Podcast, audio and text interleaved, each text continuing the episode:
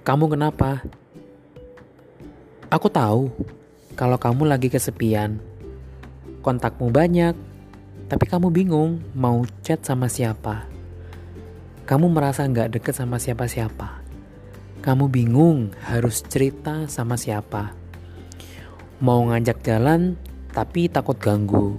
Mau ngajak ngobrol, tapi takut dia lagi sibuk. Semua ini bukan perkara banyak temanmu, tapi siapa yang benar-benar temanmu. Percuma punya banyak teman, tapi ternyata nggak terlalu dekat. Karena kamu cuma butuh yang bisa ngertiin kamu, bukan nyenengin kamu. Kamu pasti butuh orang yang nanya kamu kenapa, terus kamu cerita kalau kamu lagi nggak baik-baik aja.